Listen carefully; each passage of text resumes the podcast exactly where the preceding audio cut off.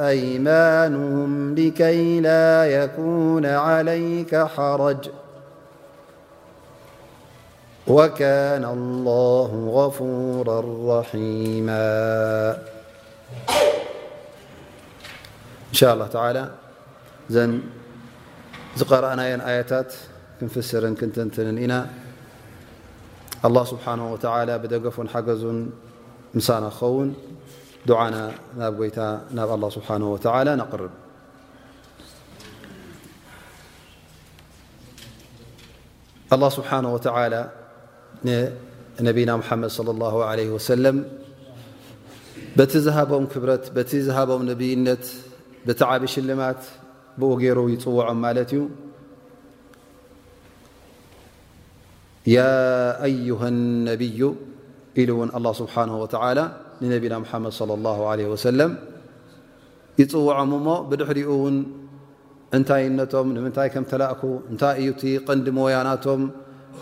እቲ ሒዞሞ መፂኦም ዘለዉ ከዓ እንታይ ከም ምዃኑ ኣላ ስብሓን ወተላ ንዕኡ ይነግረና ኣሎ ማለት እዩ ላ ስብሓን ወተላ ያ ኣዩሃ ነብዩ እና ኣርሰልናከ ሻሂዳ ወሙበሽራ ወነذራ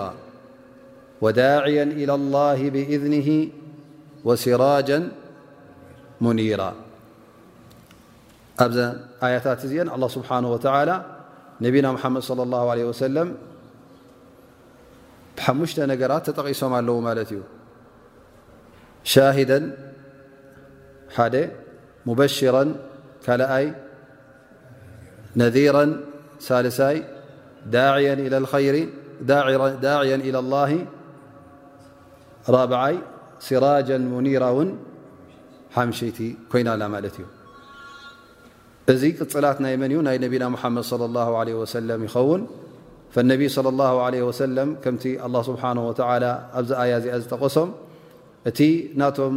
ባህርያትን እታይ እዩ ስርሖም እቲ ሞያ ናቶም እቲ ተላኢኾሞ መጺኦም ዘለዉ ክሳዕ ክንደይ መብራህቲ ከም ምዃኑ ጥቕሚ ከም ዘለዎ ኣላ ስብሓን ወተዓላ ይነግረና ኣሎ ማለት እዩ ረዋ ልእማሙ ኣሕመድ ዓን ዓጣ እብኒ የሳር ቃል لقيت عبد الله بن عمر بن العاص رضي الله عنهما فقلت أخبرني عن صفة رسول الله صلى الله عليه وسلم في التوراةال أجل والله إنه لموصوف في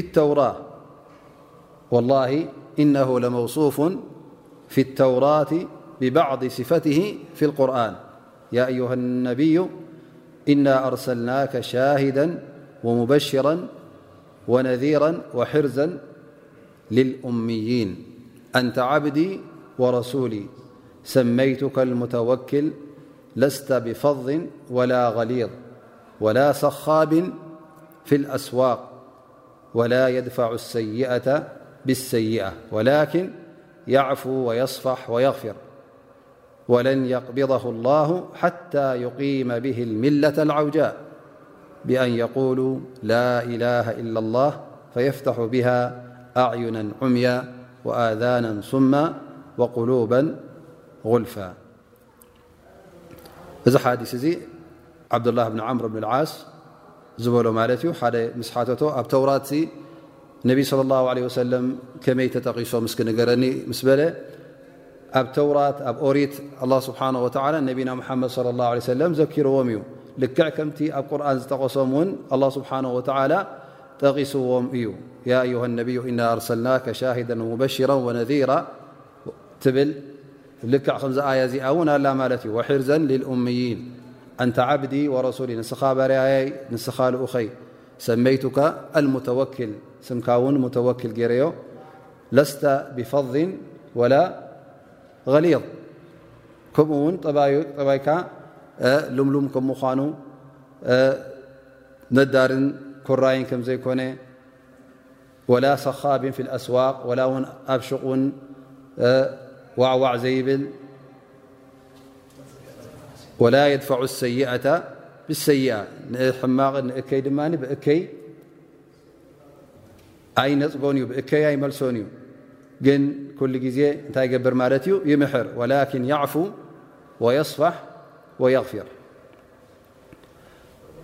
ኩሉ ግዜ ምሕረተኛ እዩ ንዝተጋገየ ሰብ እተ ተጋግዩ ኩሉ ግዜ ይምሕር ማለት እዩ ዝተጋገየ ሰብ ተጋጊኻ ኢሉ ኣይፀርፍ ሕማቕ ኣይምልስ ግን እንተ ሕማቕ ገይርዎ ሓደ ሰብ ብምንታይ ይምልሰሉ ማለት እዩ ብፅቡቕ ይምልሰሉ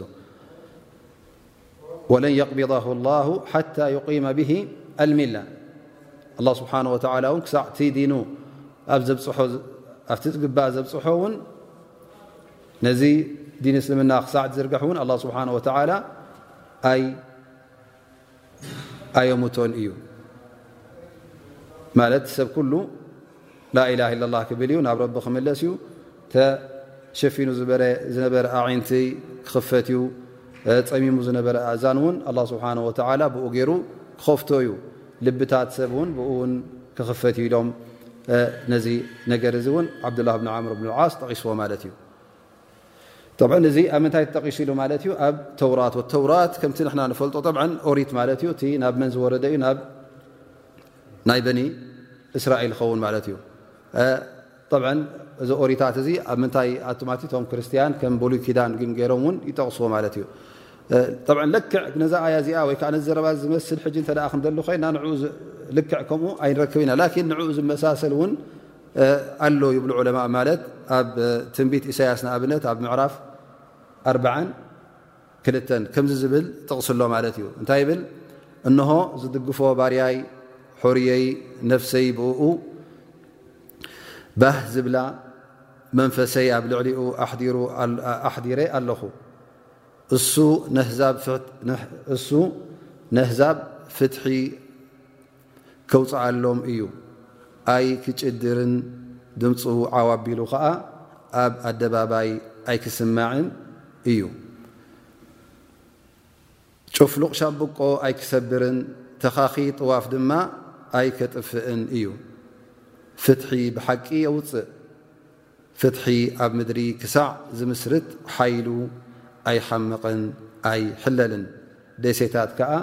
ሕጉ ክጽበያ እየን። ጠብዓ ደሴታት ኢሎም ኣብቲ ናይ ተውራት ክጥቀስ እንከሎ ንጀዚራ ዓረብያ ነዛ ናይ ደሴት ናይ ዓረብ ንዓ እያ ትጥቀስ ነይራ። ምኽንያቱ ናይ ነብይላህ እስማዒል ክጥቀስ እንከሎ ኣብ ደሴታት ኣብ ቄዳር ዝበሃል ቦታ ንሳ ድማ ንመካ ከም ምዃና ይጥቀስ ነይሩ። ፈኢሎም እዘን ጥቕሲ እዚኤን ልክዕ ከምዘን ጥቕሲ ዝመስላ ወይ ከዓ ከምዘን ሎመዓልቲ ምዛ ኣያ እዚኣን ምዚ ሓዲስ ናይ ዓብዱላ ብኒ ዓምሩ እብኒ ልዓስ ዝጠቐሶ ምስኡ ዝጋጠም ከም ምኳኑ ይጠቕሱ ማለት እዩ ዝኾነ ኮይኑ ኣላ ስብሓን ወተዓላ ኣብቲ ዝሓለፈ ክታብቲ ኣብ ወንጌል ይኹን ኣብ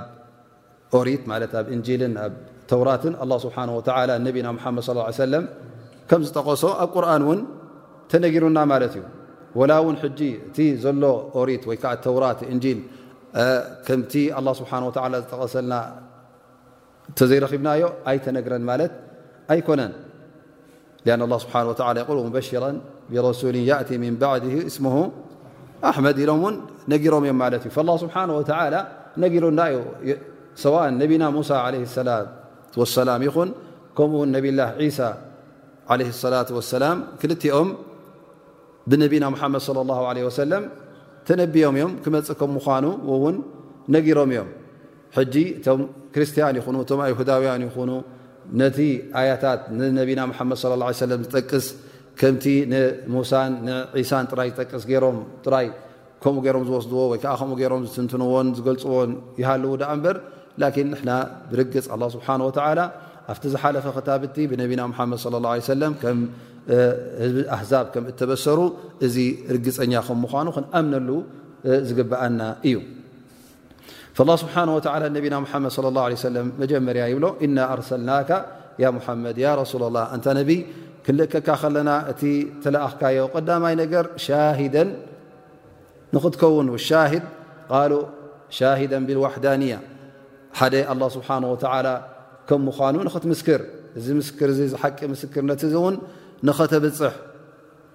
ብጀካ ኣላ ስብሓን ወተላ እውን ካልእ ጎይታ ከም ዘየለ ኣምልኾ ዝግብኦ እውን ብጀካ ኣላ ስብሓን ወተላ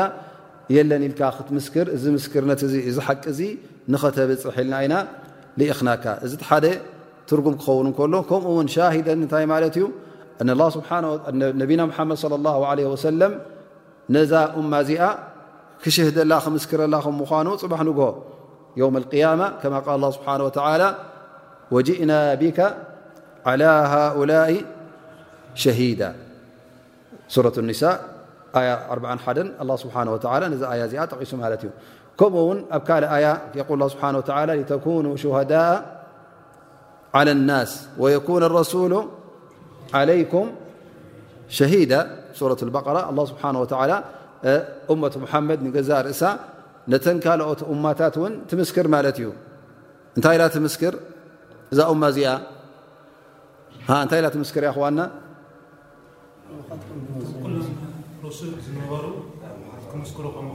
መልእኽቶም ከም ዘብፅሑ ማለት እዛ እማ እዚኣ እቶም ኩሎም ኣንብያ እቶም ሩሱል ዝነበሩስ ናብ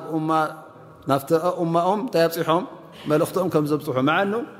ኣይወዓልናዮን ኣይረኣናዮን ላኪን ካብ ምንታይ ተበጊስና ኢና ንምስክር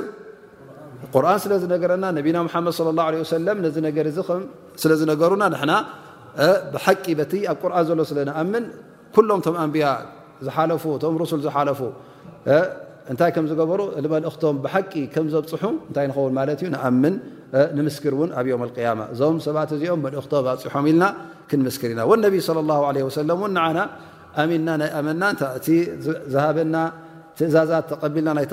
ኣይተቐበልናን እውን እነቢ ለ ላ ሰለም ነዛ እማ እዚኣ ክምስክሩላ እዮም ማለት እዩ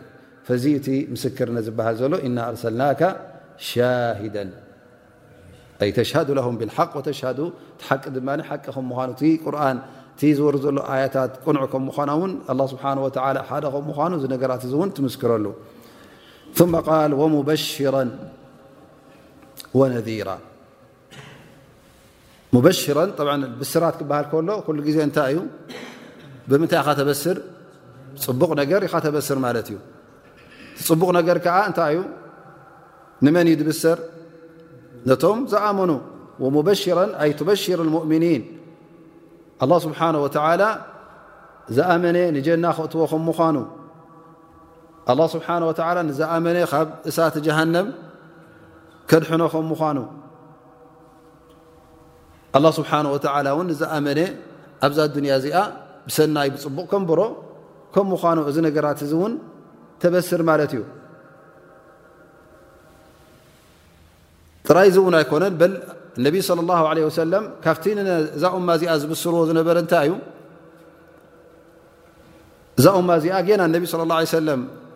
እቲ እስልምና ኣብ ኩሉ ከይተዘርግሐ ከሎ ብምንታይ በሲሮሞ እዚ ዲን እዚ ኣብ ኩሉ ክዝርጋሕ ከም ምኳኑ ኣብ ምብራቕን ኣብ ምዕራብን ክዝርጋሕ ከም ምኳኑ ነቢ ስለ ላ ለ ሰለም ኣበሲሮም ኣብ غዝቦት ኣሕዛብ ከምቲ ዝጠቀስናዮ እውን ነቢ ስለ ላه ለ ሰለም ኣብቲ ሕማቕ ኩነታት ዝነበርዎ እዋን እቲ ዝነበርዎ ናይ ጭንቂ እዋን ነቢ صለ ላه ለ ወሰለም ብምንታይ የበስሩ ነይሮም ማለት እዩ ኪስራ መሬት ናይ ሩም መሬት ናይ ፍሩስ ኩሉ ክተሓዝ ከም ምዃኑ እስልምና ኣብኡ ክበፅሕ ከም ምዃኑ ሽዑ የበስሩ ነይሮም ማለት እዩ ወላሂ ለዩቲመና ሃዘ ዲን ነቢ ስ ሰለም እዚ ዲን እዚ ክምላእ ከም ምዃኑ ነቢ ስ ሰለም ባዕሎም ብሒሎም ሰብ ውን ከም ድላዩ ኣማን ኮይኑ ዝመሬት እዚ ጀዚራ ዓረብያ ዝኣፍራህን ዝኣስጋእን ዝነበረ ቦታ መገ ቦታ ኣማን ቦታ ሰላም ክኸውን ከም ምዃኑ ነቢ ለ ላ ለ ወሰለም ኣበሲሮም ማለት እዩ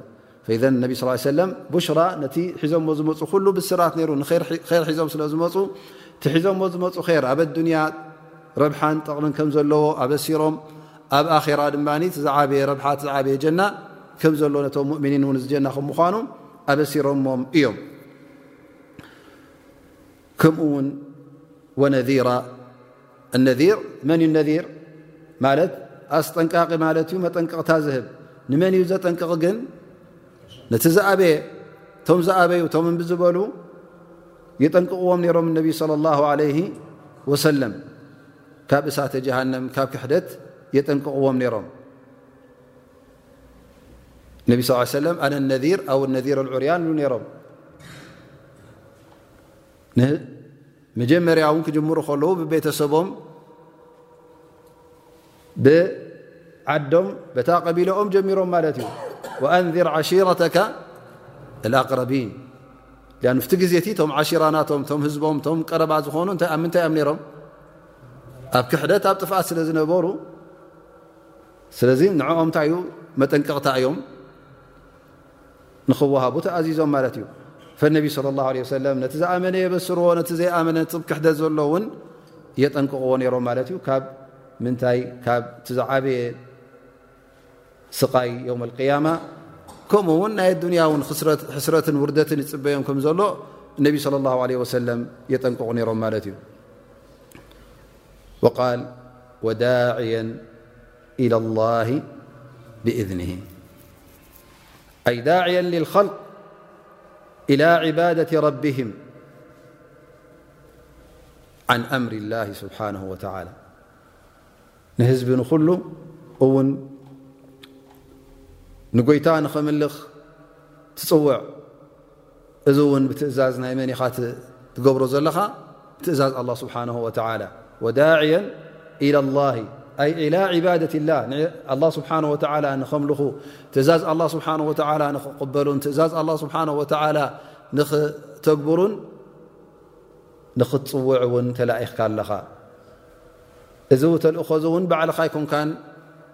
ቪደ ወንን ካብኡ ወሲድካዮ እዩ እንታይ ደኣ ብትእዛዝ ኣላ ስብሓን ወተላ ብእዝኒ ብፍቓድ ኣላ ስብሓን ወተላ ኢኻ ትገብሮ ዘለኻ ስለዚ እቲ ተዋሂብካዮ ዘለኻ ሪሳላት ተዋሂብካዮ ዘለኻ መልእኽቲ ናትካ ድልት ኮይኑ ናትካ ዊንታ ኮይኑ ይኮነን እንታይ ደኣ ኣላ ስብሓን ወተላ ስለ ዝኣዘዘካ ኢኻ ትገብሮ ዘለኻ ማለት እዩ ስለዚ እቲ ዓቢ ሞያ ኣሰኪሙካ ዘሎ ኣላ ስብሓን ወተዓላ ንፍጡራት ንኸልቂ ነቶም ኣላ ስብሓን ወተዓላ ዝኸለቆም ሰባት ካብ መገዲ ክሕደት ናብ መገዲ ኢማን ካብ ንኻልእ ምምላኽ ንኣላ ስብሓን ወተዓላ ምምላኽ ንኽትመርሖም ወወሰፈ ኣላ ስብሓን ወተዓላ እቲ ናይ ነቢና ሙሓመድ ለ ላ ለ ሰለም ዳዕዋ እውን እቲ ዝፅውዕዎ ዘለዉ ሲራጀን ሙኒራ ከም ምዃኑ እሱ ኸኣ ብርሃኑ ኣብ ኩሉ ዝበጽሐ ብርሃኑ ዘየደናግር እዩ ሲራጀ ሙኒራ ጉዳይካ ኩሉ ብሩህ እዩ ንኹሉ ፍሉጥ እዩ ናብቲ ሓቂ ከም ፀሓይ ከም ናይ ጸሓይ ብርሃን ዝኾነ ሓቂ ናብኡ ኢኻ ትጽውዕ ዘለኻ ማለት እዩ ነዚ ነገር እዚ ዝኣብን ሓቂ ኮነን ዝብል እውን እዚ ሰብ እዚ ባዕሉ ጥፍኣተኛ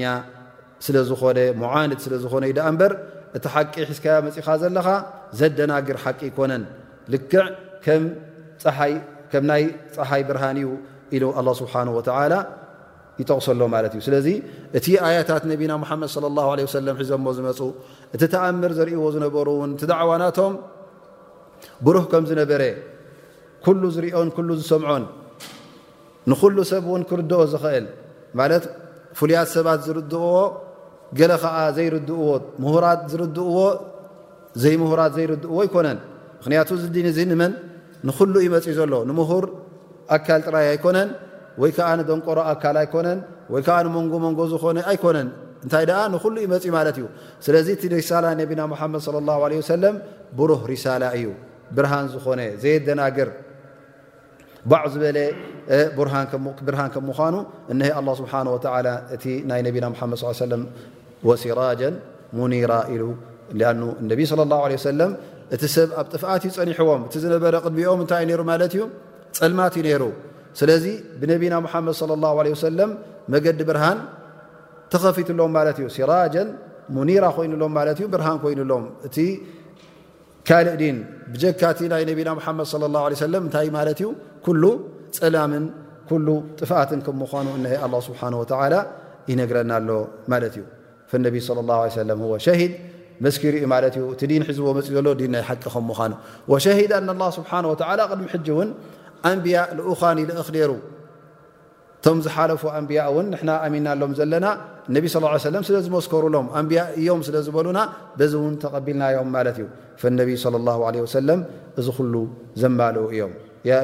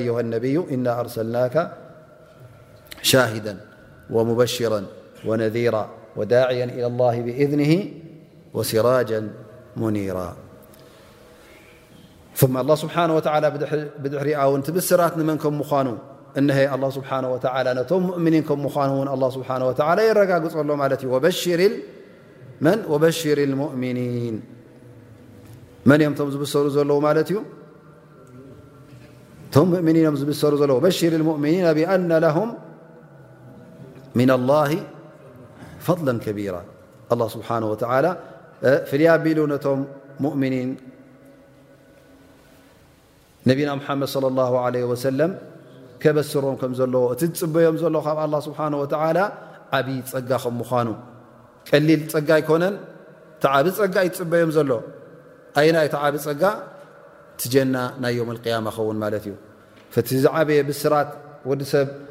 ዝብሰሮ እዚ ናይ ኣዱንያ ኣይኮነን እንታይ ደኣ እቲ ዝዓበየ ብስራት እቲ ናይ መዋእል ሂወትካ እትነብረሉ ጽባሕ ንግሆ ዝጽበየካ ዘሎ ናይ መዋእል ዕረፍትን ደስታን ፍስሃን ንሱ እዩ እቲ ዓቢ ብስራት ማለት እዩ ስለዚ እዚ ብስራት እዚ እውን ብጀካቶም ሙእምኒን ካልኦት ኣይክረኽብዎን እዮም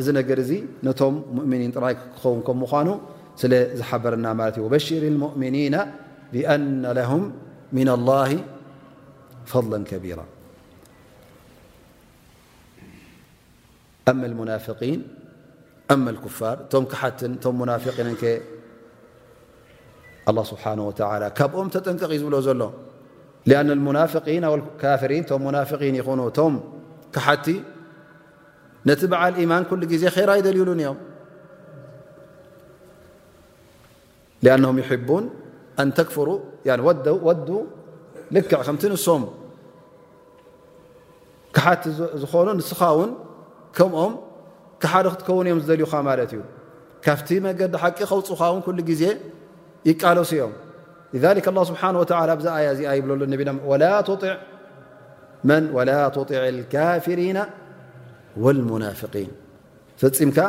ክትሰምዖም የብልካን ክትምእዘዞም የብልካን እንታይ ከም ዝብሉ ዘለዉ ንዓ በዚ ካብቲ ዘለኻዮ ቁሩብ ነኪ ገለ ገለ ኢሎም ካብቲ ዲንካ ከውፅኻ እንተ ሓሲቦምሲ ፈፂምካ ክትሰምዖም የብልካን ክጣይዖም እውን የብልካን ሊኣኑ እቶም ሙናፍቒን ልክዕ ከምቶም ክሓቲ እዮም ክሓዲ ድማ ንዓኻ ኼራ ይደልየልካን እዮም ላህ ስብሓን ወተላ ካብኦም እናጠንቀቐ ከሎ ግን እዚ ክብለካ ከሎ ኣላ ስብሓን ወተዓላ ነዞም ሰባት እዚኦም ብዘይ ሓቂ ጉድኣዮም ብዘይ ሓቂ እውን ኣፀልሞም ብዘይ ሓቂ ኣሸግሮም ይብለካ የለን ላ ትጢዕም ወዳዕ ኣዛም ወላ እውን ሓንሳእ እውን እተ ንዓኻ ሕማቕ ገይሮሙኻ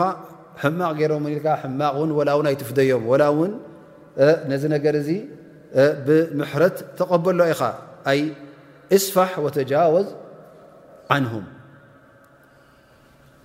ሃذ ደረጃ ናይ ነቢና ሙሓመድ صለ ላه ሰለም ከምዚ ኢሉ ኣላ ስብሓን ወተላ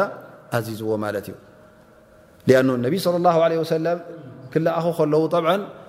ናብ ኩሉ ዮም ተላኢኾም እቲ ክሒዱ ዘሎ እውን ናብ ኢማን ንክመልስዎ ሑኽ እዮም ዝብሉ ብቐንዱ እውን እነቢ ስ ሰለም ክለኣኹ ከለዉ መን ፀኒሕዎም ሙእምን ኩሉ እንታይ ዩ ፀኒሕዎም ኩሎም ክሓቲ ሙሽርኪን እዮም ፀኒሖሞም ማለት እዩ ስለዚ ነቲ ሙሽሪክ ነቲ ካፍር እውን ብዓይኒ ርህራሃ ዝርእዎ ስለ ዝነበሩ ወላ እቶም ሙሽርኪን ክፀርፍዎም ከፃብብሎም ከሸግርዎም እንከለዉ እነቢ ስለ ላ ለ ወሰለም ነዚ ኩሉ ምንታይ ይቕበልዎ ነይሮም ብትዕግስቲ ብምሕረት ይቕበልዎ ነይሮም እነቢ ለ ላ ለ ወሰለም ስለምንታይ እቲ ሙሽሪክ እቲ ካፍር እቲ ዝገብሮ ዘሎ ኩሉ ስለ ዘይፈለጠ ደንቆሮ ስለ ዝኾነ ፅባሕ ንግሆ ምስ ፈለጠ ውን ክምለስ እዩ ዝብል ነቢ ስለ ላ ሰለም እምነት ስለ ዝነበሮም ነቢ ስለ ላሁ ለ ወሰለም ኣብ መካ ዓሰርተ ሰለስተ ዓመት ዳዕዋ ገይሮም እቲ ኩሉ ሽግራት እውን ኣብ ዝባኖም እናወረደ ከሎ ኣብ ዝባን ብፆቶም እናወረደ ከሎ ይስከምዎ ነይሮም ማለት እዩ ስለዚ እቲ ሰይኣ ውን ኩሉ ግዜ ነቢ ስ ሰለ ብሕማቕ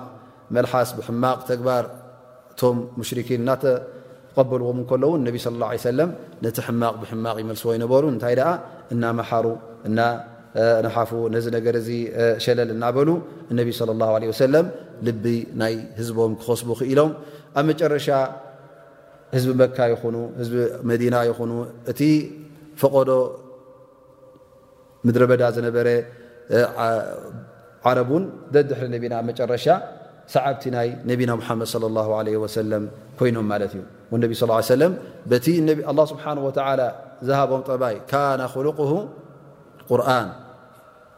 ለቀድ ጃኣኩም ረሱሉ ምን ኣንፍሲኩም ዓዚዙ ዓለይህ ማ ዓኒድቱም ሓሪሱ ዓለይኩም ብልሙእምኒና ረኡፍ ራሒም ፈዚ ነገር እዚ ነቢ ለ ላ ለ ወሰለም ብከምዝኣመሰለ ጠባይ ነቲ ህዝቢ ኩሉ ካብቲ ዝነበሮ ጥፍዓት ናብ ምንታይ ኣእትዮሞ ማለት እዩ ናብ መገዲ እስልምናን ናብ መገዲ እምነትን ኣእትዮሞ ማለት እዩ ስለዚ ናብ ጎይታ ናብ ኣላ ስብሓን ወተዓላ ተፀጋዕ እዩ ዝብሎም ዘሎ ኣላ ስብሓን ወተዓላ እዞም ሰባት እዚኦም እውን ወላ ውን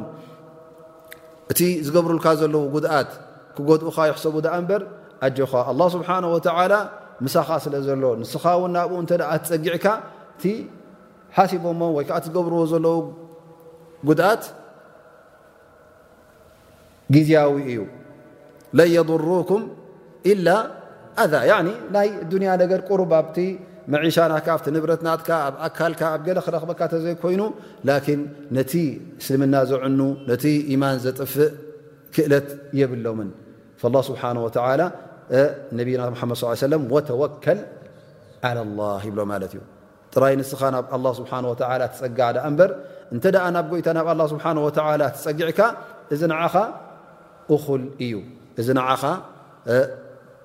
እኹል ድጋፈን እኹል ዓወትን ስለ ዝኾነ እቲ ኣንጻርካ ዝገብርዎ ዘለዉ እቶም ሙሽርኪን ይኹኑ እቶም ሙናፍቒን ንስኻ ፈጺምካ ዘረበኦም ኣይትስምዓዮም ካብቲ ዲን ከውጹኻን ካብቲ ዲን ንየማን ንጸጋም ከርሕቑኻ ይፈትኑ ደኣ እምበር እዚ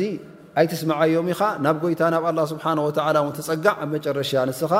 ኢኻ እትዕወት ንስኻ ኢኻ ኣብቲ ሓቂ ዘለኻ ኢሉ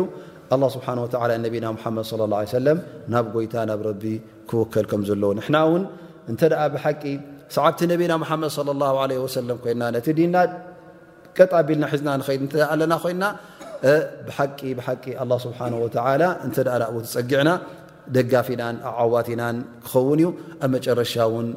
ምሳና ስለ ዝኾነ ኣላ ስብሓን ወተላ ፈፂሙ ዝኽእለና እውን ኣይክርከብን እዩ ግን እቲ ናይ ብሓቂ ተወኩል እቲ ናይ ብሓቂ ኢማንሲ ኣበይ ይረኸብ እዙ እዩ ዘሎ ትሕቶ ሃልዚ እምነት እዚ ኣሎ ዶ የለን እቲ ተወኩል ክበሃል ከሎ ጥራይ ናይ ኣፍ ዘይኮነ ናይ ብሓቂ ናብ ጎይታ ናብ ኣላ ስብሓን ወተዓላ ልባዊ ተወኩል ልባዊ ምፅጋዕ ናብ ኣላ ስብሓን ወተዓላ ክህልወና ከሎ ፈፂሙ ዝኽእለካን ዝስዕረካን እውን ኣይክርከብን እዩ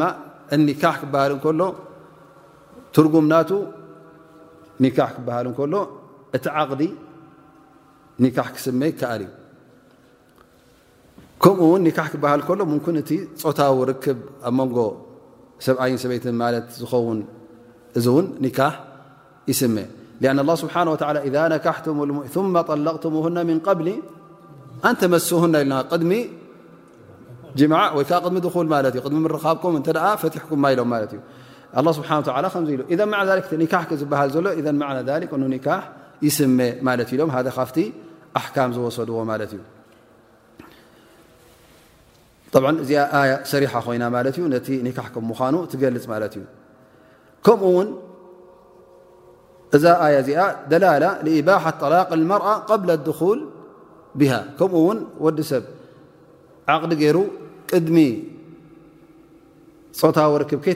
ከይተረኻኽቡ ከለዉ ድኹል ከይተገበረ ከሎ ማለት እዩ ክፈትሓ ከም ዝኽእል እውን ፍትሕ ከም ዝስመ እውን ጠቂሳ ማለት እዩ ዛኣያ እዚኣ ከምኡ ካብቲ ዛኣያ እዚኣ ሒዛቶ ዝመፀት ኣሕካም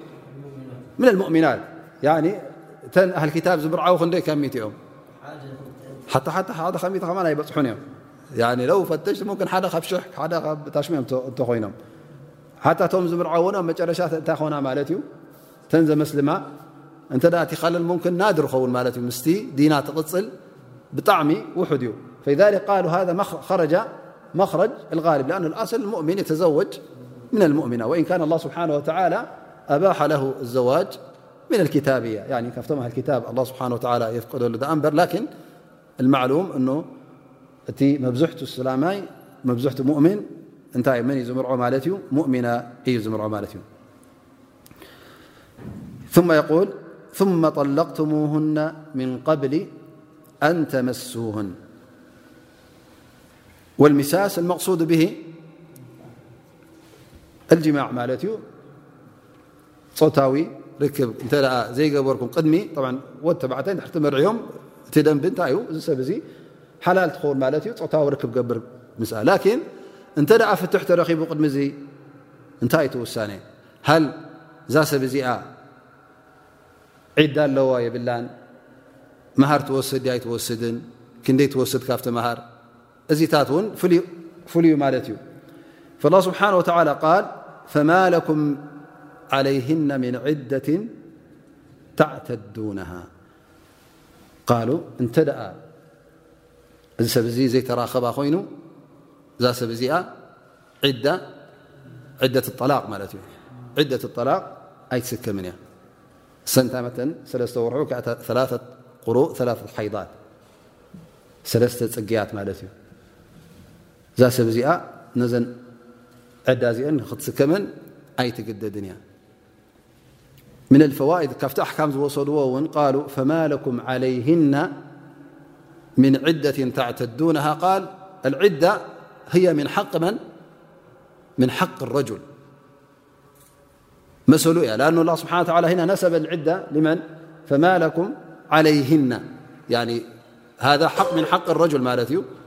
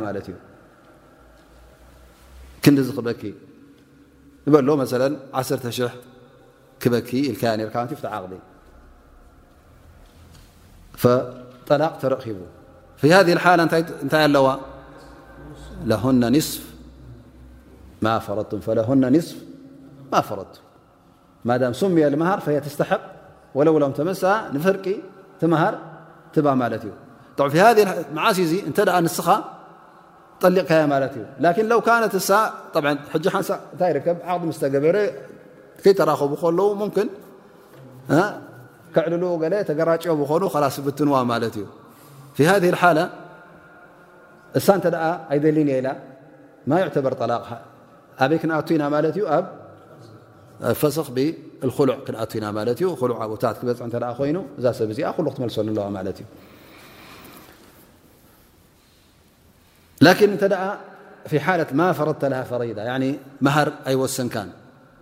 في هذه الحالة تأىمهر زيىزيتيزيستىينو هنا يجب لها أو تعطيها ش المتاع قال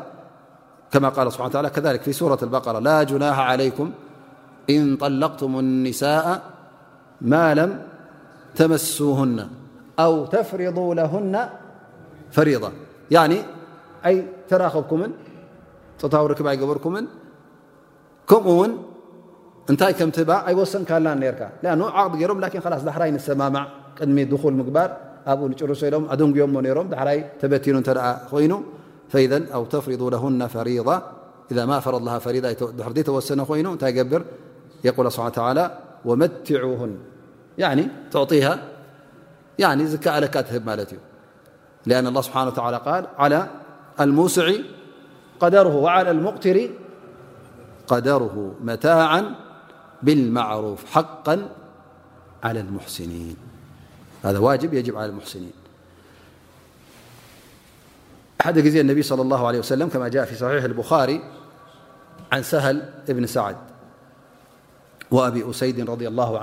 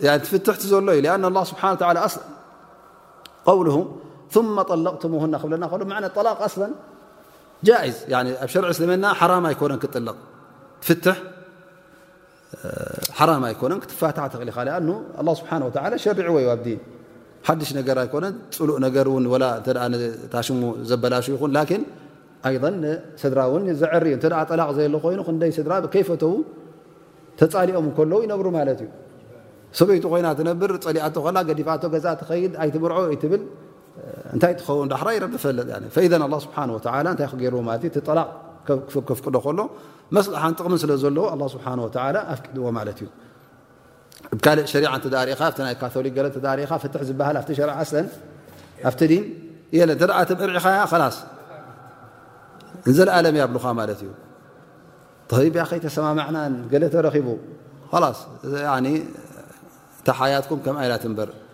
ሕጂ እንታይ እዮም ዝገብሩ እተ ከም ተረኺቡ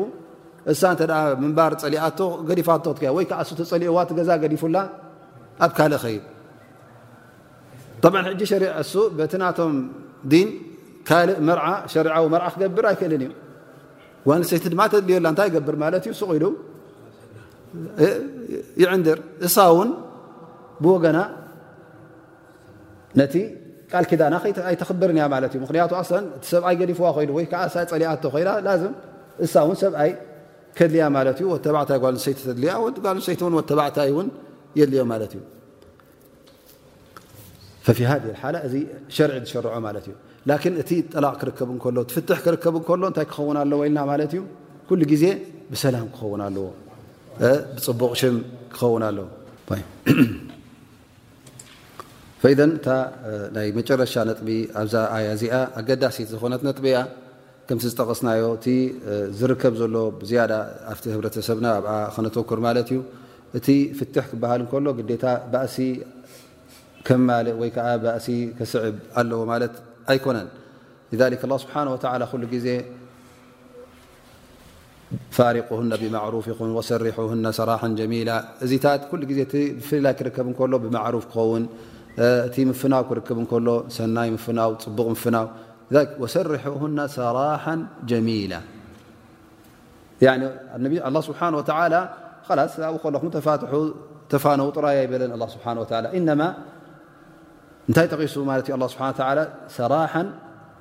ጀሚላ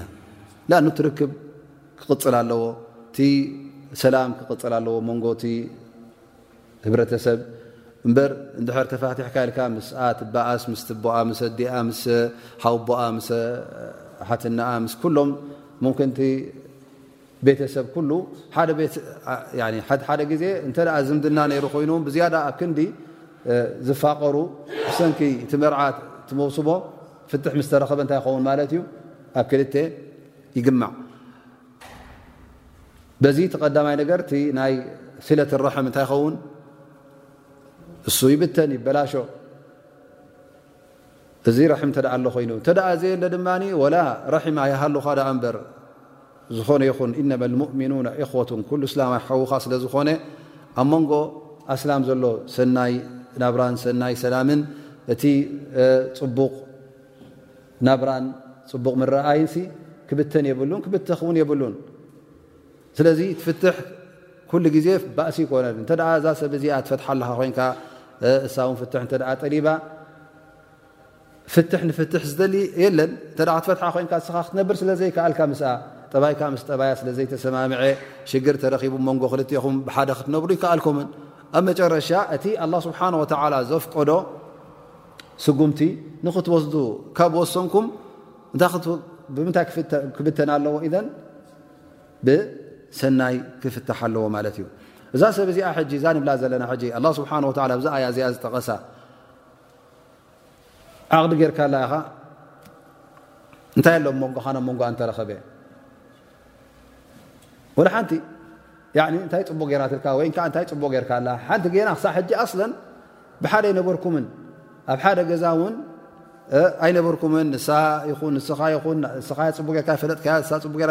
ላኪን እቲ ጉዳይ እተ ተበቲኑ ስለምንታይ ነዛ ሰብ እዚኣ ብፅቡቕ ጌርካ ፋንዋ ብለካ ኣላ ስብሓን ወላ እንታይ ጌራትለይ ድያ ክትብል ኢኻ ላኪን እዛ ሰብ እዚኣ እቲ ፍትሕ ክርከብ እንከሎ ንገዛእ ርእሱ ንዓኣ ልባ ሰብራ ማለት እዩ። እዛ ሰብ እዚኣ መርዓ ዓቕዲ ገይራ ተፀቢያ ገዛ ንክትኣቱ፣ ክትወልድ፣ ክትዘምድ እዚ ትምኒት ወይ ከዓ እዚ ሃንቀውታ እንከለዋ ንስኻ ሕጂ ትፋታሕ ኣለኻ ምስኣ ማለት እዩ። እዚ ፍትሕ እዚ ንገዛእ ርእሱ ልባ ሰብራ ስለ ዝኾነ ብምንታይ ኣሓጒስካ ትሰዳ ማለት እዩ። ኣሓጒስካ ተፋንዋ። እንታይ ኢኻ ትህባ ኣላ ስብሓን ወተላ ኣይወሰነልካን ዓለ ልሙውስዒ ቀደሩ ሃፍታም እንተ ኮንካ ከም ሃብትኻ ድኻ እንተ ኮንካ ከዓ ከም ድኽነትካ ሃፍታም ከለኻ ከም ድኻ ጌርካ ኣይተፋንዋ እዩ ዝብለካ ዘሎ በርዱ ያ ረቢ እተ ሽሻይ ር ሂቡካ ኮይኑ ከምቶም መሳኪን ከምቶም ዘይብሎም ብዓሰ ግራም ብስራ ግራም ወርቂ ዘፋንዉ ከምኡ ጌርካ ኣይተፋኑ ብዝከኣለካ ንስኻ እውን ከም ሃፍትኻ